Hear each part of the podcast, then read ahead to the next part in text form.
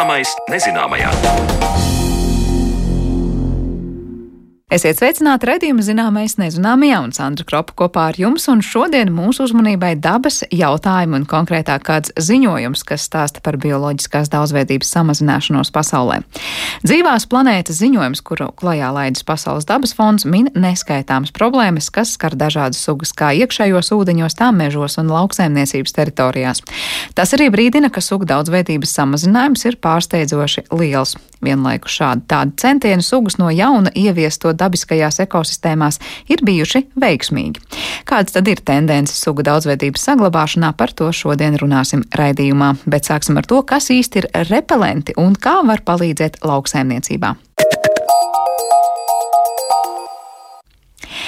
Domājot gan par bioloģiskās daudzveidības, gan cilvēka veselības saglabāšanu, lauksaimniecībā aktīvāk sāk pētīt vidēji saudzīgākus augu aizsardzības līdzekļus, tostarp kukaiņu atbaidītājus jeb repelentus. Dabiskie repelenti ir daudzas augu sugas, un to sastāvdaļas iespējams izmantot gan citu augu kultūru pasargāšanai no kukaiņu uzbrukumiem, gan profilaksei. Vairāk par to visu interesējās Mariona Baltkalni.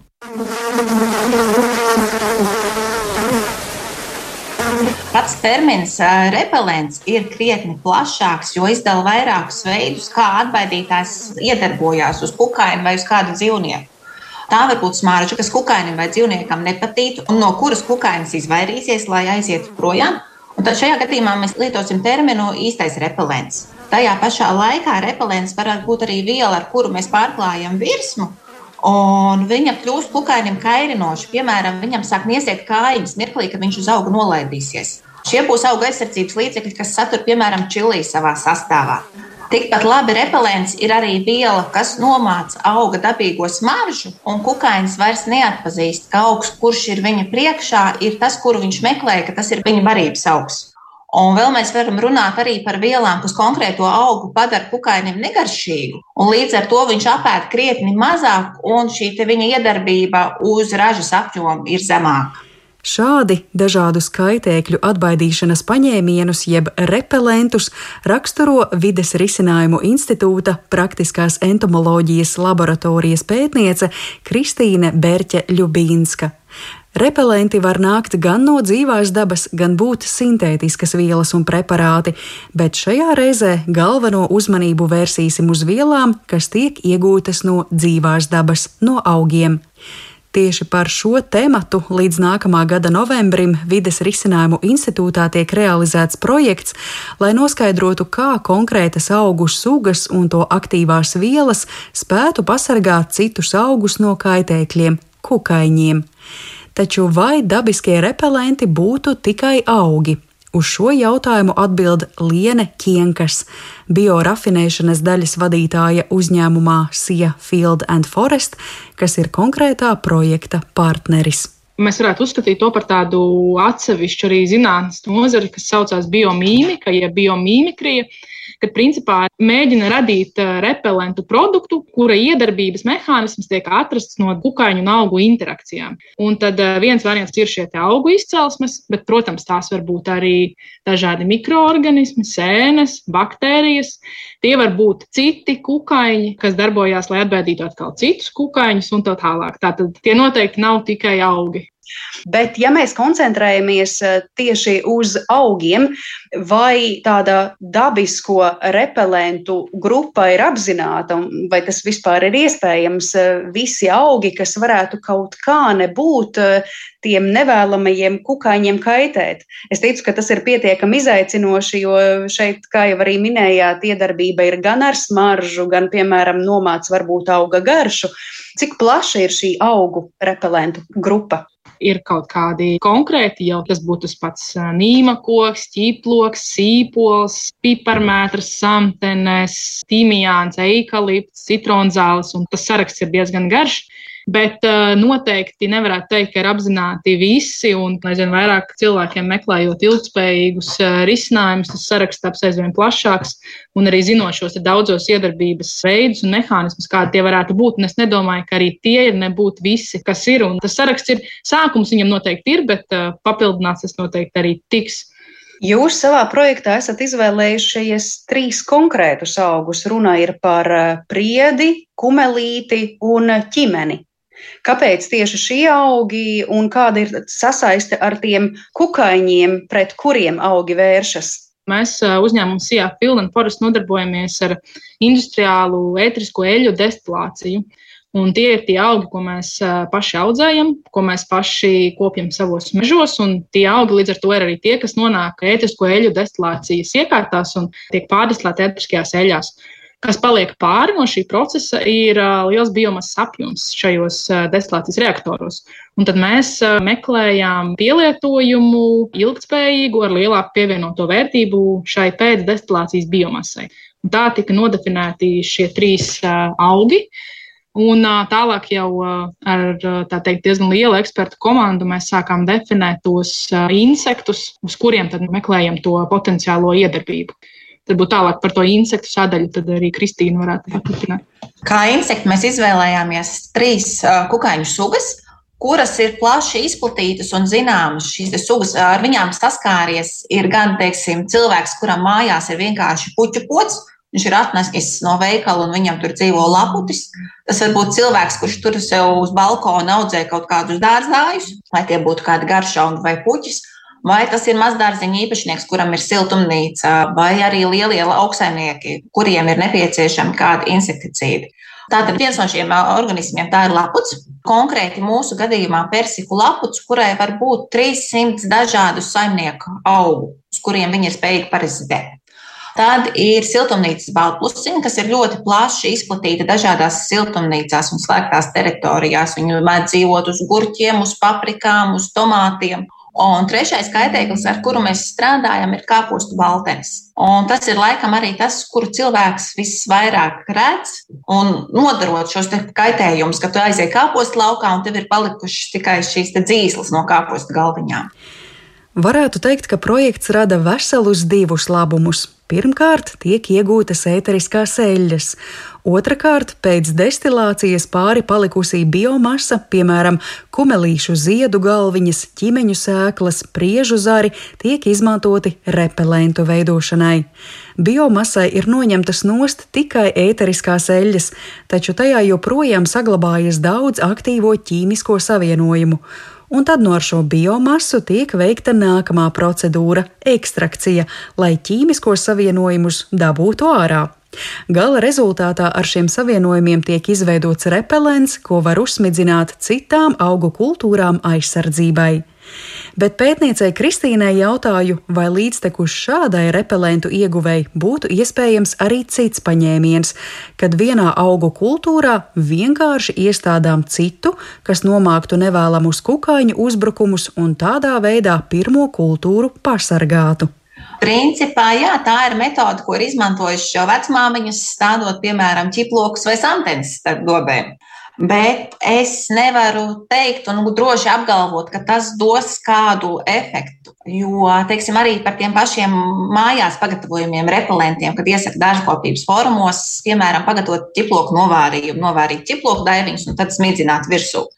Vienam saimniekam, piemēram, šī metode strādās, bet otram saimniekam nē. Bet kāpēc? Iemesls varētu būt arī pašā ķiplokā, kad vienam ķiploks ir ar vērtīgāku ģenētisko materiālu, otram nē vai arī kādā augsnē šis ķiploks ir audzis, kādi ir bijuši laika apstākļi. Varbūt pats ķiploks tajā laikā ir cīnījies ar kādu kukaini, kurš ir gribējis viņu tā teikt paskurbināt un izdarījis līdz ar to vairāk sēru savienojumus radījis. Mm. Varbūt arī tā atbilde slēpjas tajā, ka radot kādu rūpniecisku produktu, koncentrācija ar tām aktīvajām vielām tomēr būs lielāka nekā vienkārši iestādītiem augiem. Tā varētu būt. Jā, tur vispār meklējot repelentu pētījumos, ir vairākas attīstības stadijas. Pirmā daļa ir laboratorijas pētījumi, kas notiek laboratorijā, pilnīgā kontrolētos apstākļos, kur dienu no dienas apstākļi ir vieni un tie paši. Ir vienāda gaisma, ir vienāds mitrums, ir vienāda telpas temperatūra. Un nav nekādu citu blakus faktoru, kas varētu ietekmēt kukaiņu uzvedību. Viņam būtībā abi divi augi, viens, kurš ir potenciāli repelents, otrs, kurš ir ēdams, ir blakus, un viņš aiziet pa labi vai pa kreisi, izvēlās, kurš smaržo labāk. Tur atsījās vielas vai augi, kuri ir ar potenciālām repelentām īpašībām, tālāk iet uz nākošajiem pētījumiem, kas saucās siltumnīcas pētījumi. Tur pēc būtības arī eksperimenti notiek siltumnīcās, kur ir, ir viena daļa auga, kas ir apstrādāti ar repelentu, vai kuriem blakus aug augi, kuriem ir repelentās īpašības, un otra daļa augi, kuri nekādā veidā nav apstrādāti, vai viņiem nav nekāda blakus augi, augoši. Bet šeit, šajā gadījumā kukainim jau ir jāmēro kāds tālāks ceļš, lai nokļūtu līdz augam. Varbūt tur ir kāda vēja plūsmiņa, varbūt gaisma ne tāda. Šeit daļa iespējamo repelentu un tad viņi iet tālāk uz nākošo eksperimentālo fāzi, kas jau ir lauka pētījumi, kas notiek atklātā laukā, tur ir daudz citu blakus faktoru. Tur ir vējš, tur ir saule, tur ir nokrišņi, tur ir citi kukaiņi. Vēl viena daļa arī no ietekmes ir iespējams, ka ne tikai kā repelence, bet arī šī palīdzība augiem, kā augu stiprināšana. Un tā ir viena daļa arī no pētījumiem, ar kuriem mēs plānojam nodarboties savā projektā, atrast, vai šie uzlējumi potenciāli labvēlīgi ietekmē augu augšanu. Un līdz ar to varbūt mēs iegūstam nevis vielu, kas ir repelents pēc savas būtības, kā atbaidošs, bet viņš ir repelents tādā ziņā, ka augsts kļūst stiprāks un viņam pašam ir lielākas spējas pretoties skaitēkļiem. Jā, tas ir tāds arī atsevišķa produktu sfēra, kas tiek attīstīta tā saucamie biostimulanti, tādi kā augu vitamīni, kas stimulē tam augam viņa aizsardzības spējas. Mm. Jā, es tieši gribēju izmantot eh, šo vārdu vitamīns no vienas puses. Tā miedarbība ir kā tādam spēcinošam faktoram, un otrā gadījumā nu, to varētu raksturot kā antibiotikas, ja, kas ārstē slimību. Diezgan plaši tie virzieni. Nu, un tad eh, jautājums, kas man arī virmo prātā, parasti ir tā, ja mēs kaut ko mainām uz kaut ko pārējām, tad vienmēr cilvēkiem interesē, nu, vai tik tur nebūs kaut kādi riski. Ja? Nu, tad es arī būšu nejauka un jautāšu, vai dabisko repelentu gadījumā, kas šķiet nu, kaut kas tiešām tik patīkams, patīkams un dabisks, mums tomēr ir jārēķinās ar kādiem riska faktoriem vai kaut kādiem nosacījumiem. Jā, pavisam noteikti. Es domāju, tas tāpat kā cilvēkam, arī ūdens var būt pie kaut kādas konkrētas litrāžas diennakts laikā patēriņa, visticamāk, pat dzīvībai bīstams. Kā teikt, koncentrācija ir tā atbilde, kas padara viņu par nekaitīgu, kaitīgu vai nāvējošu. Tā tāpat ir arī šeit, pie šīm te vielām. Protams, viņas sadalās bieži vien ļoti ātri apkārtējās vidas ietekmē, bet tā koncentrācija, deva, lietošanas biežums ir ļoti svarīgi parametri. Un arī tie mēs strādājam šī projekta ietveros. Jautājums ir, vai šis līdzeklis ir tā teikt profilaktisks iedarbības, vai viņš jau mēģina novērst kaut kādu radušo skaitu. Tad, ja mēs runājam par tiem biorepelentiem, tad, teiksim, mūsu arī projektu kontekstā mēs vairāk domājam par to, lai vispār šis kukainis nepienāk nemaz klāt pie šī auga, atbaidīt viņu jau tā teikt pa gabalu. Protams, cīnīties ar jau kaut kādu ielaistu kaitu, tas ir tāpat kā cilvēkam. vienā brīdī pietikt varbūt arī īsu kaut kādu zāļu kursu, vai pat varbūt ar kādu profilaktisko tēju, bet citā brīdī jau ir vajadzīgs stiprs antibiotikas divu nedēļu kurs, lai varētu mēģināt tikt atpakaļ uz kājām. Es tikai piebildīšu arī, ka repelentu burvība ir tajā, ka kaitēklis atšķirībā no insekticīdu izmantošanas netiek nogalināts. Līdz ar to kaitēklis tiek saglabāts barības ķēdē, un viņš tepat blakus vien ir. Viņš tiek aizvirzīts, piemēram, uz graumalu, kur viņam jau ir grūtāk atrast kādu barības augu. Viņš pat patērē vairāk enerģijas viņu meklējot, un samazinās viņa pēcnācēju skaits. Bet viņš netiek izslēgts no barības ķēdes līdz ar to tiem organismiem, kuri barosies no viņa, ir ko ēst. Projektā līdz šim jau noteikti ekstrakcijas apstākļi, lai no priežu, kumelīšu un ķīmeņu biomasām iegūtu aktīvos ķīmiskos savienojumus. Paralēli laboratorijas apstākļos notiek lauka apstākļu simulācija. Ar speciālu smidzināšanas iekārtu tiek simulēta insekticīdu smidzināšana uz augiem un pētīta kukaiņu uzvedība, kā tad tie rīkosies, sastopot apstrādātus augus. Tas viss ļautu radīt dabisku repelentu, kas spētu cīnīties ar persiku laputi, siltumnīcu baltblusiņu un kāpostu tīteni, un kas zina, varbūt arī ar citiem kaitēkļiem.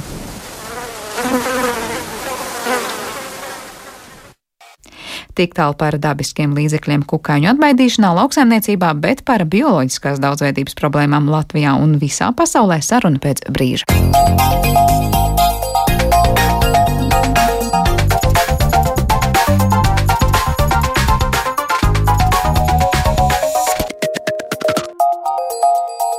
Zināmais nezināmajā. Pasaules dabas fonds publicējas jaunākās dzīvās planētas ziņojumu, kas, kā jau to varam nojaust, galīgi nav iepriecinoši. Sugu skaita samazinājumu piedzīvo visdažādākie dzīvnieki, īpaši ievērojams samazinājums fiksēts saldūdens dzīvnieku populācijās.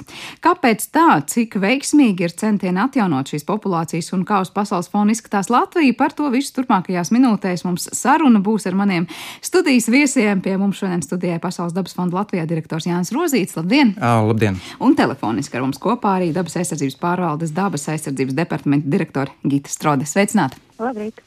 Es sākšu ar to, ka šāds Pasaules dabas fonda ziņojums ir nācis klajā ik pa laikam, un Jānis, mēs esam ar tevi tikušies šajā studijā ik pa laikam arī komentējot šos dzīvās planētas ziņojumus. Kas šoreiz ir tas, ar kādām sajūtām tu to esi lasījis, un vai šajā reizē tur kaut kas ir bijis pārsteidzošs no iepriekšējām? Jā, es gribētu teikt to, ka jā, šis dzīvās planētas indeks iznāk 14. reizi. Un tiešām mēs esam runājuši par šo arī publiski, publiskā telpā un, un pārunājuši, kādi ir tie dati iepriekšējos gados. Es gribētu teikt, ka kas noticis par, kopš iepriekšējā, kopš 13. 13. šī nu, dzīvā planētas indeksa, ir tas, ka ir palielinājies populāciju apjoms, kas tiek vērtēts. Ir vairākas sugas nākušas klāt, kas tiek vērtētas. Un, nu, tā ir labā ziņa. Līdz ar to, tad, līdz ar to visaptvarošāk mēs varam lūkoties uz, šiem, uz šo informāciju.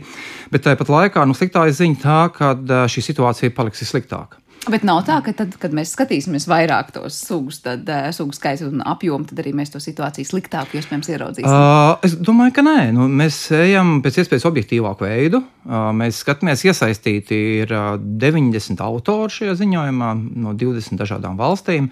Šie datu avoti, vairāk tūkstoši datu avoti un šobrīd iezīmē 69% populāciju kritumu pasaulē, vērtējot 32,000 populācijas un vairāk kā 5,300 sugu. Bet attiecībā pret kuru laika posmu tas ir pret iepriekšējo ziņojumu? Tas ir pret 1970. gadu. Tas ir tā kā nu, mēs skatāmies uz situāciju, kāda izskatās pasaule. Jeb, jeb, mēs paši Pasaules dabas fondā saucam šo par nosacītu par tādu veselības ziņojumu dzīvai dabai.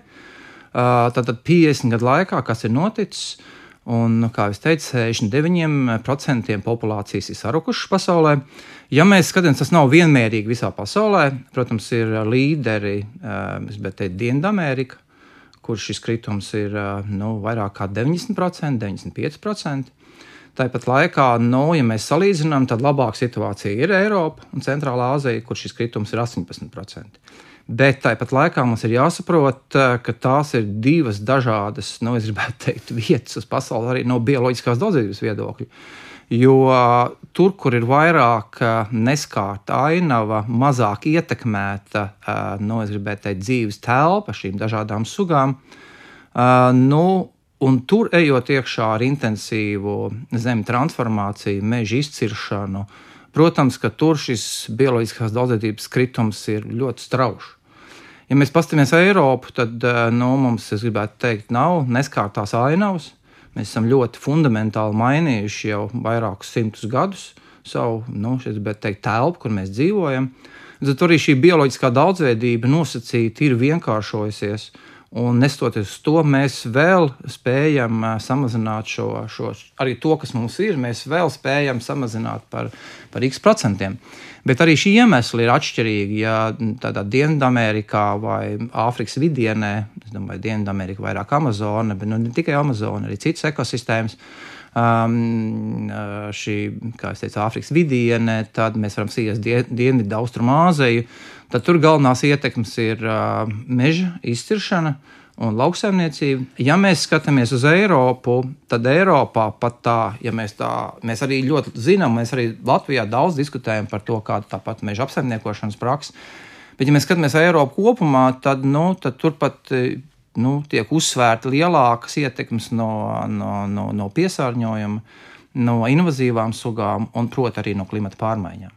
Tā kā es gribētu teikt, ka kaut arī mēs Latvijā un, La un Latvijas stāsts, un mēs to arī par Latviju varēsim parunāt, ir varbūt nedaudz atšķirīgs. Arī mums ir nosacīti vēl netik intensīvi izmantot dabas resursus un pārveidot tā dabu. Tad es gribētu teikt, ka, nu, jā, kad mums varbūt vairāk būs, mēs varēsim vilkt paralēlus ar to, kas notiek varbūt Dienvidamerikā vai kaut kur, es nezinu, Dienvidaustrumāzijā. Tad pirms es dodu vārdu Gitē, rezumējot, izklausās tā, ka tur, kur tā daba ir šobrīd vēl bijusi pietiekoši neskarta un daudzveidīga, tas kritums ir milzīgs. Yep. Tur, kur tas kritums ir, liekas ļoti labs un liekas labās ziņas, Eiropā viss izskatās Maz, patiesībā mazāk, jā. mazāk, bet patiesībā arī no kā krist ir bijis mazāk. Jā, nu tā mēs varam mazāk. ļoti vienkāršot, jo mēs varam sīties, ka Eiropa ir, es gribētu teikt, nu, viena no tādām nabadzīgākām teritorijām no bioloģiskās daudzveidības, ja mēs skatāmies tā nu, globāli. Mm -hmm, Nav, jā, nu, protams, mēs varam sīties kaut kur pilnīgi absolūti izmainīts Dienvidāfrikas, ne Dienvidāfrikas, vispār Āfrikas kontinentu, varbūt teritorijas, bet, bet lai vai kā, no Eiropa ir ļoti ietekmējusi savu dabu.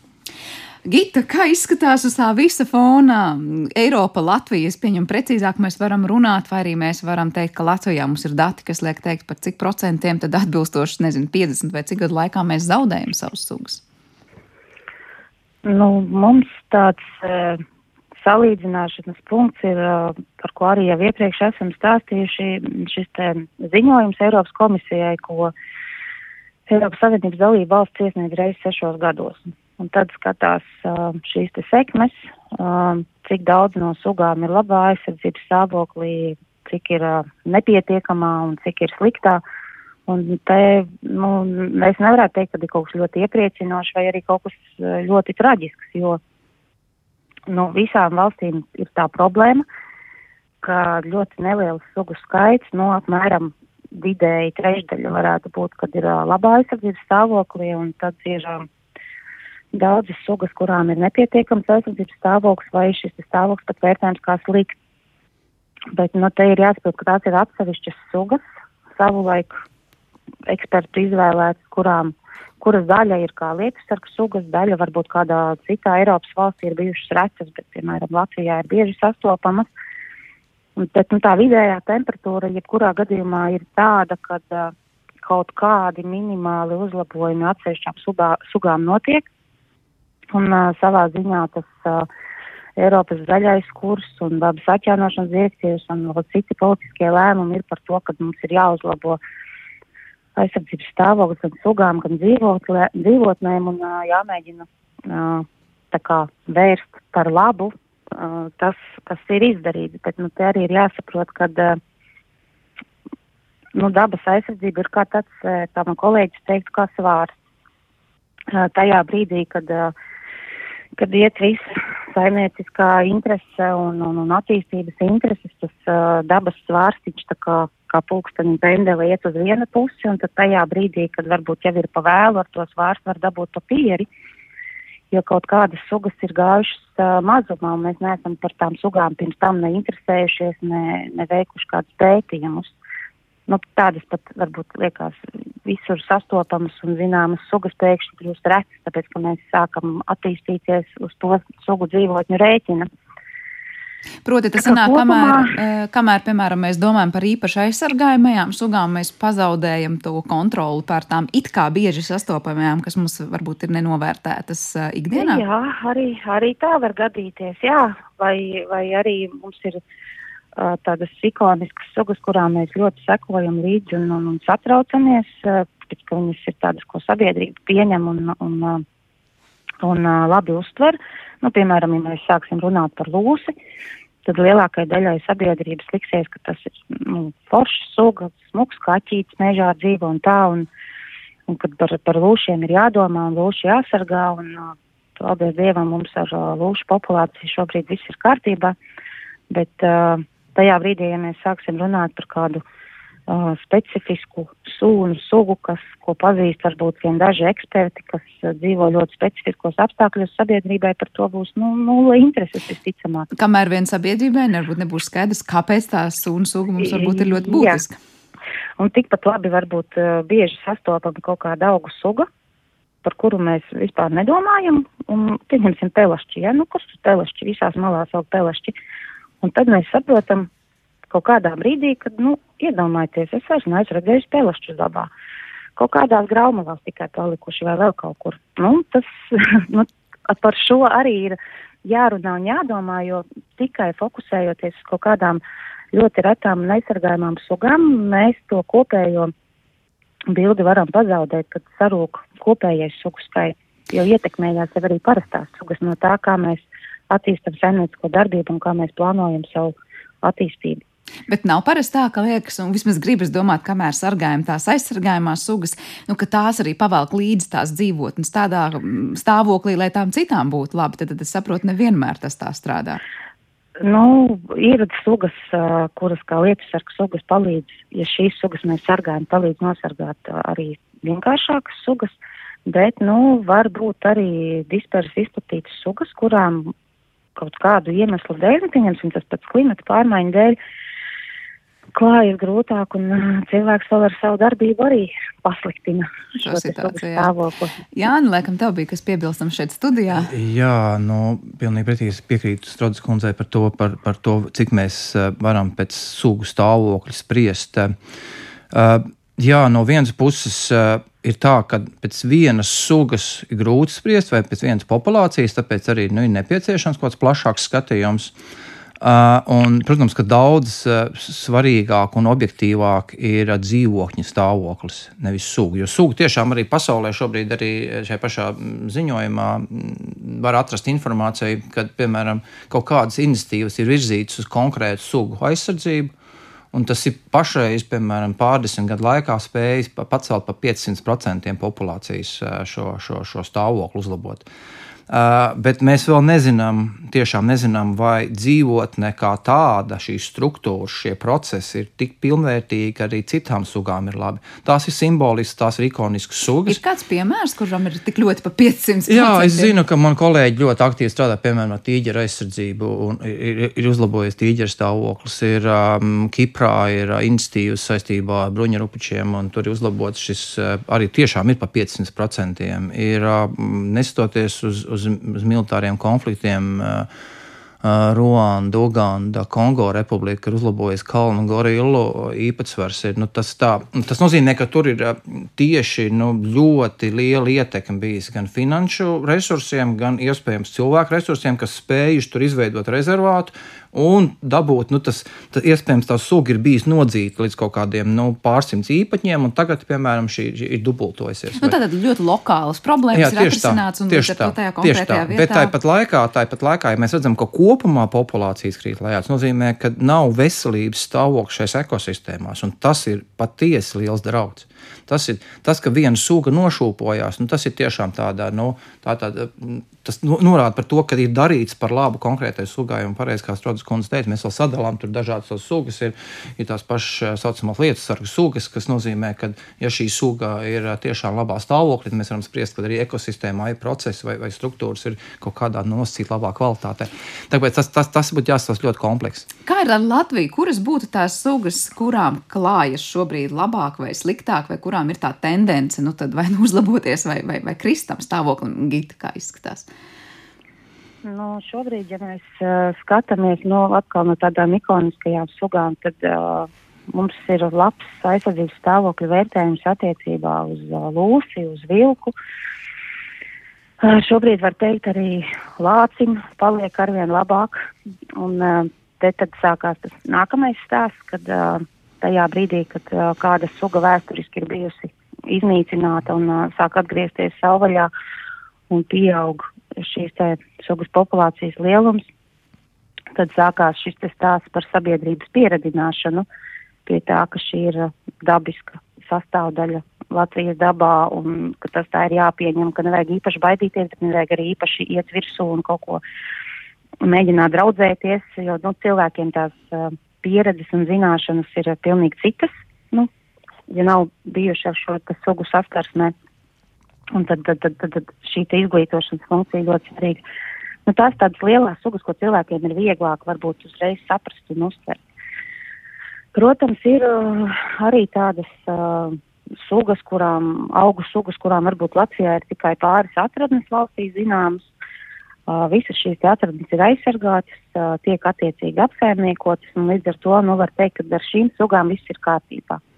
Bet, nu, atkal es teikšu, tas ir tikai tāpēc, ka tas ir lokāli, to ir vieglāk aizsargāt, saglabāt. Bet tādām sugām, kas varbūt ir plaši izplatītas, nu, pieņemsim mazais ērglis. Nu, tā ir dispersa suga Latvijā ļoti lielā skaitā. Latvijā, gan Eiropas, gan pasaules mērogā ir nozīmīga mazā ērgļa uh, teritorija. Ja mums koncentrējās ļoti liela daļa pasaules populācijas, ja nekļūdos par 10%. Un, attiecīgi, uh, nu, mēs esam atbildīgi par šo sugu. Uh, un ar visu to, kad ir veidoti mikroliegumi, uh, mēs it kā saglabājam šīs te, mm, līgzdu, līgzdošanas vietas, bet uh, šai sugai vajadzīgs arī barošanās vietas, attiecīgi tas, ka nav uh, varžu vai, vai uh, mazo zīdītāju peļu strupastu, ko ēst, uh, tas arī var ietekmēt šo te populāciju attiecīgi. Līdz ar to tas viss ir tā ļoti komplekss, pat ja mums šķiet, ka ar šo sugu viss ir šobrīd kārtībā, mēs nevaram uh, paļauties uz to, ka tas tā būs arī nākotnē, un ir visu laiku jādomā uz priekšu, gan tas, kā attīstīsies meža saimniecības vai lauksaimniecības politika, kā tas ietekmēs uh, šīs sugas nākotnē. Un tad ir tādi, uh, es teiktu, kompleksie indeksi, ko arī var izmantot, lai uh, analizētu un vērtētu uh, dabas uh, stāvokli vai, vai to, kā mūsu saimnieciskā darbība var ietekmēt bioloģisko daudzveidību. Uh, kā piemēram meža putnu indeks un lauka putnu indeks. Un šie tādi vairāku sugu vē, populāciju vērtējumi, kur tad var redzēt, katru gadu tiek šis indeks aprēķināts un var redzēt šīs fluktuācijas, šīs izmaiņas. Protams, no šī indeksa mēs nevaram pateikt, ko tieši mēs darām pareizi vai nepareizi, bet mēs varam pateikt tendenci, kas notiek. Piemēram, lauka putnu indeks mums nu, pirms 20 gadiem bija lielāks, šobrīd viņš ir samazinājies. Vai meža putnu indeks um, ir svārstīgs un, uh, un, uh, vai, vai lejupējošs. Nu, tad tās ir tās lietas, kas arī parāda, kas tad pie mums notiek. Kādā, teiksim tā, vai tā attīstība, kas notiek, vai tā ir ilgspējīga vai neatstāja ietekmi uz uh, dabas vērtībām. Jā, šis piesauktais arī mazais ērglis ar šo piemēru, ka viena lieta ir saglabāt vietas, kur liksdot šim putnam, otra, kur baroties. Vai tas liek domāt, varbūt arī Jānis grib komentēt šeit studijā, ka viena lieta ir, kamēr mēs sargājam un domājam par mežu izciršanu, un tad ir otra lieta, vai mēs pietiekoši darām lauksaimniecības kontekstā, proti neaparam visu līdz pēdējiem, lai, proti, ir kaut kur, kur būt vardēm, strupastēm un šiem dzīvniekiem, lai šis putns varētu arī baroties, vai tā ainava ir piemērota. Jā, tiešām jā. tā, nu, jau konkrēti mēs aizskaram šo konkrēto sugu, tad, nu jā, jā, tad šis nosacīta, ka sekmes ir spoguļu attēls, kāda ir ainavas pārvaldība. Un, uh, Um, nu, jā, vai tiešām ir šāda barības bāze, jo mazais ēglis barojās ārpus meža ekosistēmas. Un, un, un tas nav melnais stārķis vai kaut kādas nu, citas sugas, kas atkal tieši saistītas visciešāk saistītas ar meža, eko, piemēram, vienu ekosistēmu. Tā kā šeit ir nu, ne tikai mēs varam domāt to, vai ir nocirsta konkrētā vieta, kur liksdo, bet arī vai tiešām ir blakus, ir kur baroties. Kas Latvijas gadījumā būtu no, no tām praksēm, varbūt šobrīd, ja mēs runājam tās, pie kurām mēs joprojām visvairāk klūpam un krītam? E, Nu, es pavisam noteikti domāju, ka nu, mēs neatšķiramies no, no tā vispārējā, es gribētu teikt, sadalījuma globāli, kāda ir šī populācija ietekme, jau tās sfēras. Un es gribētu teikt, ka nu, tāpat mums, es, es teiktu, Latvijā, kad ir, savu, mēs skatāmies sauszemi, pēc tam cilvēks būs, būs ūdeņi. Mm -hmm. Sauszemi tās ir dzīvotņu iznīcināšana. Un, um, Bet no, tā ir mežsaimniecība. Tā ir joprojām tā ir mežsaimniecība, tā ir lauksaimniecība. Un, ja mēs paskatāmies, kāds ir biotops stāvoklis ir mežsaimniecībā, nu, tur ne, nu, ne tuvu arī tie ziņojumos, pa, pa ko pieminēja Strodas kundze, nu, ne tuvu nav, nav, nav pozitīvs, varētu teikt, ka nu, absolūti negatīvs. Uh, labi, šobrīd ir identificētas šie bioloģiski vērtīgās vietas mežā, bet mums nāk informācija, ka nepārtraukti tās tiek cirstas un tā kā nu, tur noscīti viss turpinās. Tāpat mums ir nu, diezgan bēdīgi ar bioloģiski vērtīgiem zālājiem. Uh, Savukārt, ja mēs nonākam pie ūdeņiem, tad, protams, arī tur ir dzīvotņu mm, nu, iznīcinā, iznīcināšana caur šiem pašiem, es gribētu teikt, aizsprostiem, kas mums ir diezgan liela problēma Latvijā. Tāpat mēs varam stīties arī uz piesārņojumu ūdeņu. Te tieši... mēs runājam par eitrofikāciju. Jā, mēs runājam par eitrofikāciju, jā. Un tas var būt nu, tieši tā, tas var būt gan izslēgtais piesārņojums, kas ir lauksaimniecība, varbūt nu, reizēm arī mežsaimniecība, bet nu, tur ir galvenokārt lauksaimniecība, gan arī punktveidu piesārņojums. Vēl joprojām mēs redzam publiskā telpā nepārtraukt ziņas par, par, par dažu dažādu punktveidu piesārņojumu. Tā kā no nu, nedaudz atšķirās šīs ietekmes, bet um, nu, mēs varam iet vēlreiz cauri. Tad dzīvotņu iznīcināšana, uh, piesārņojums, invazīvās sugas, tas arī. Arī tieši ūdeņu vai? Aktuāli, es gribētu teikt, tas ir, nu, pat mēs varam runāt par visām ekosistēmām, bet nu, tur mēs vairāk esam pieraduši runāt par sauszemi.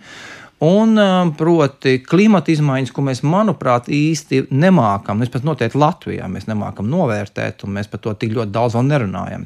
Bet, nu, mēs varam, ja mēs skatāmies starptautisku zinātnisku pētījumus un skatāmies arī, kā izskatās tāpat Eiropa uh, saistībā ar klimata pārmaiņām, visam noteikti mēs varam teikt, ka tam ir nu, ļoti strauji pieauguši ietekmi. Gita droši vien ir, teiks, ka ir nosauktas visas lielākās lietas, bet droši vien ir ko vēl piebilst par to stāvokli Latvijā un kāpēc tas ir tāds, kāds tas ir. Nu, principā, Jānis jau visu nosauca.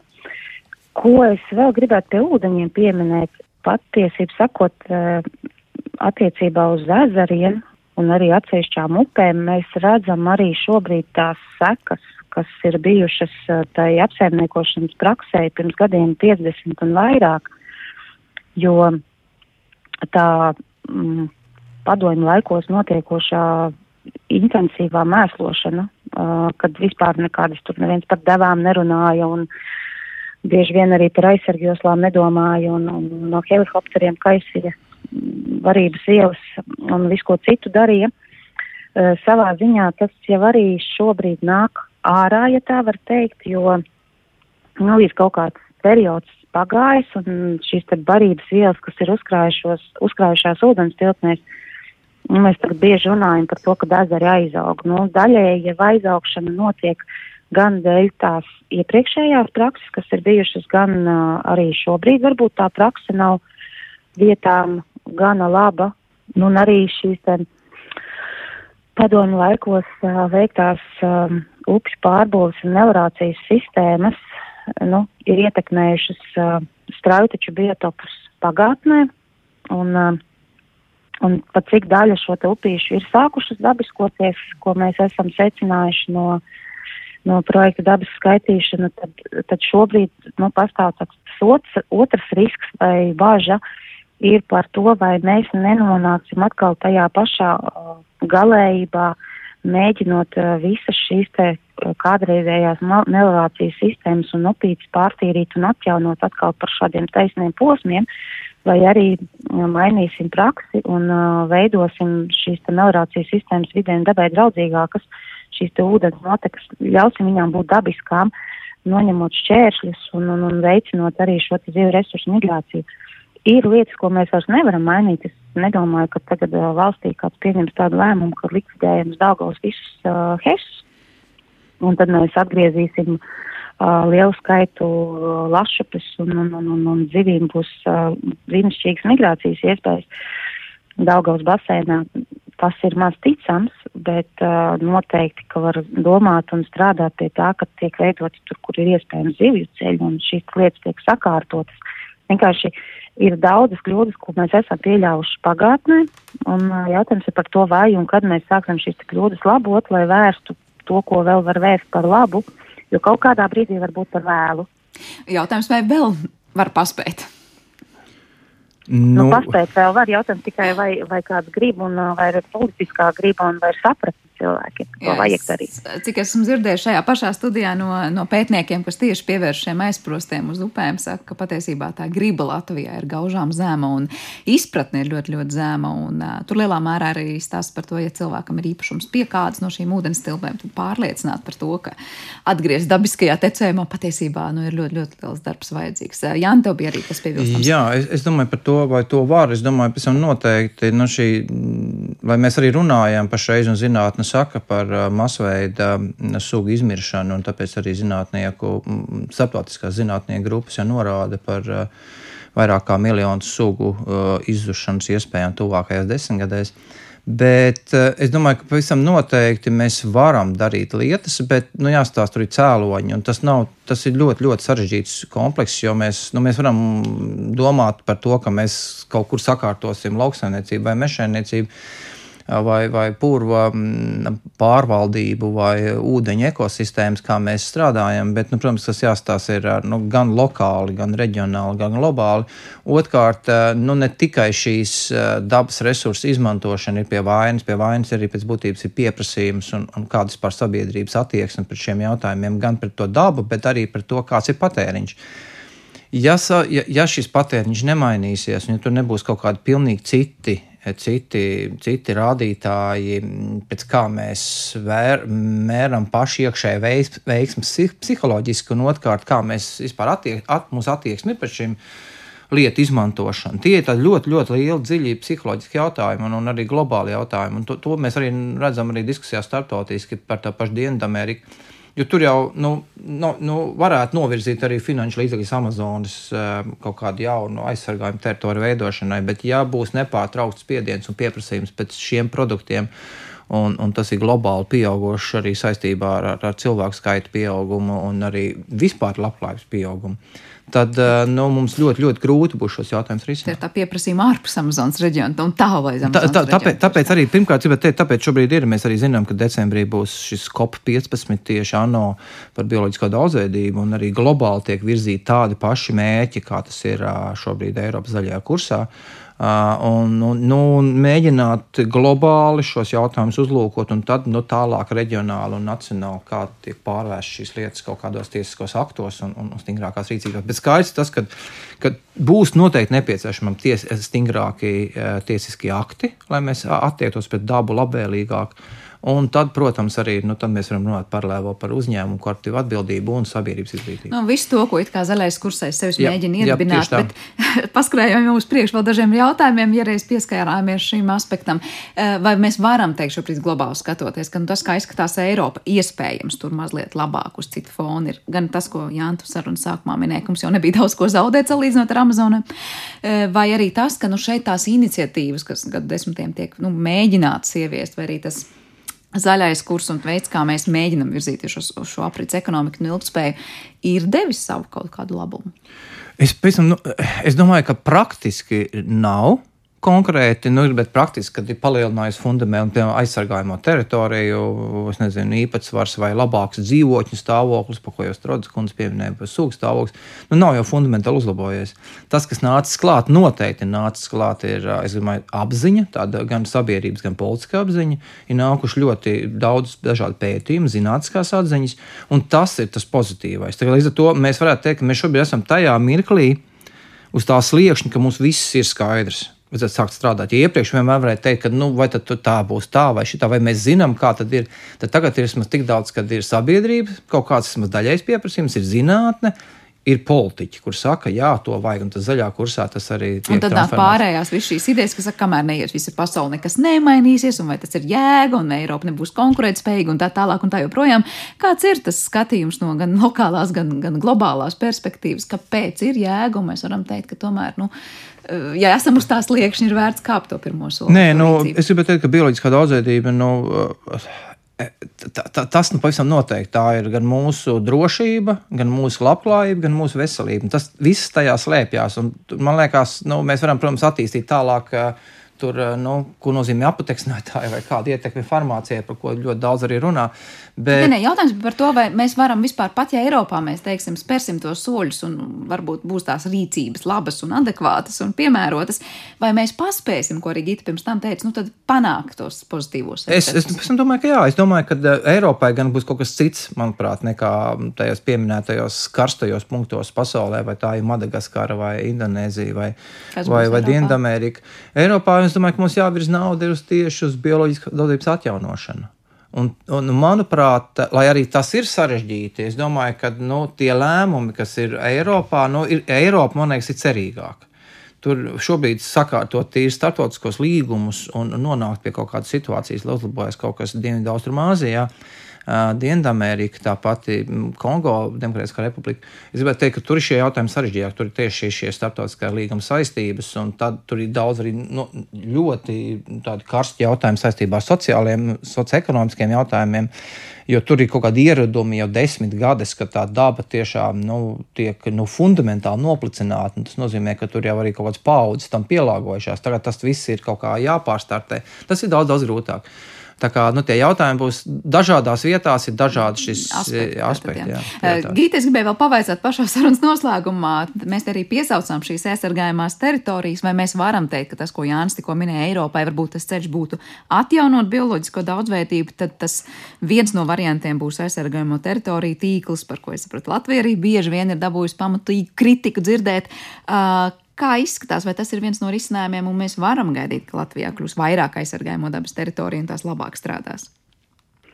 Nu, teiksim tā, man kā prak praktiķim vairāk jāsaka, ka nu, šobrīd neizskatās, ka Latvijā ir pietiekami liela politiskā vēlme īpaši palielināt aizsargājamo teritoriju tīklu. Tas ir dažādu iemeslu dēļ, jo iespējams, eh, tad viens ir, jā, mēs, mēs varam palielināt šo te aizsargājumu teritoriju tīklu, bet pretī ir jābūt šīm te adekvātiem kompensācijām. Jo mēs nevaram tikai un vienīgi uz uh, valsts zemju rēķina noteikt papildus aizsargātās platības, jo tās dabas vērtības ir tur, kur viņas ir.